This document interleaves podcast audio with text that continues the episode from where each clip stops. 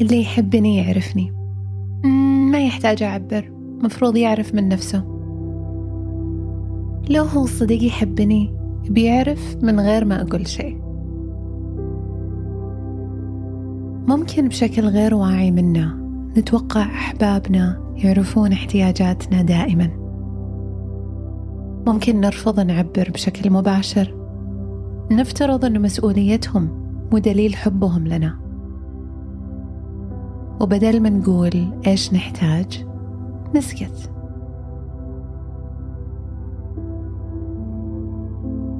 وإذا أحبابنا ما عرفوا احتياجاتنا نزعل ونغضب. لدرجة تتكون مشكلة تخلق فجوة بعلاقتنا.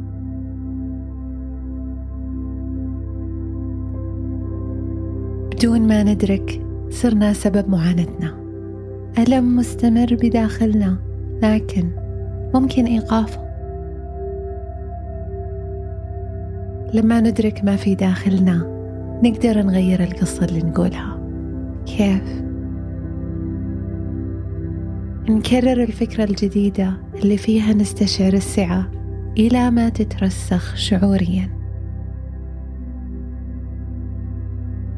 حتى لو في البداية ما حسينا فيها. مع الوقت شوي شوي لما نكرر ونكرر على ذواتنا قصة مختلفة. لما نؤمن إنه نقدر نختار اختيار جديد يتحرك شيء داخل قلوبنا ونحس بالتغيير.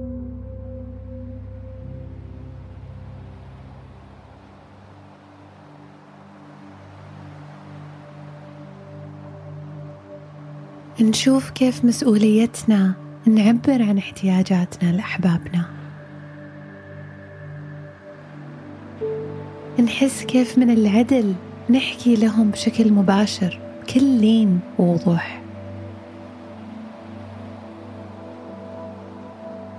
كيف ما في إنسان يملك القدرة على قراءة أفكار الآخرين. كيف نعيش التناغم والراحة في علاقاتنا لما نعبر بشكل صريح وواضح؟ كرر معي واعرف إذا سألنا السؤال الصح. الإجابة الصح بتتسهل السؤال المفتوح يفتح الاحتمالات اللامحدودة في هذا الكون. لأنه يخلق لنا المساحة اللي فيها نستقبل الإجابة. بكل يسر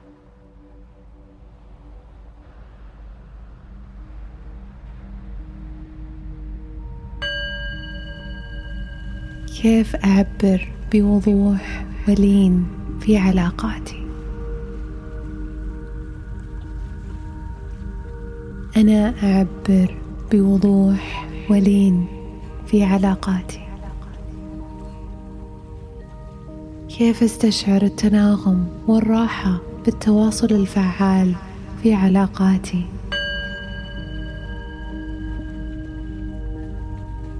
أنا أستشعر التناغم والراحة بالتواصل الفعال في علاقاتي.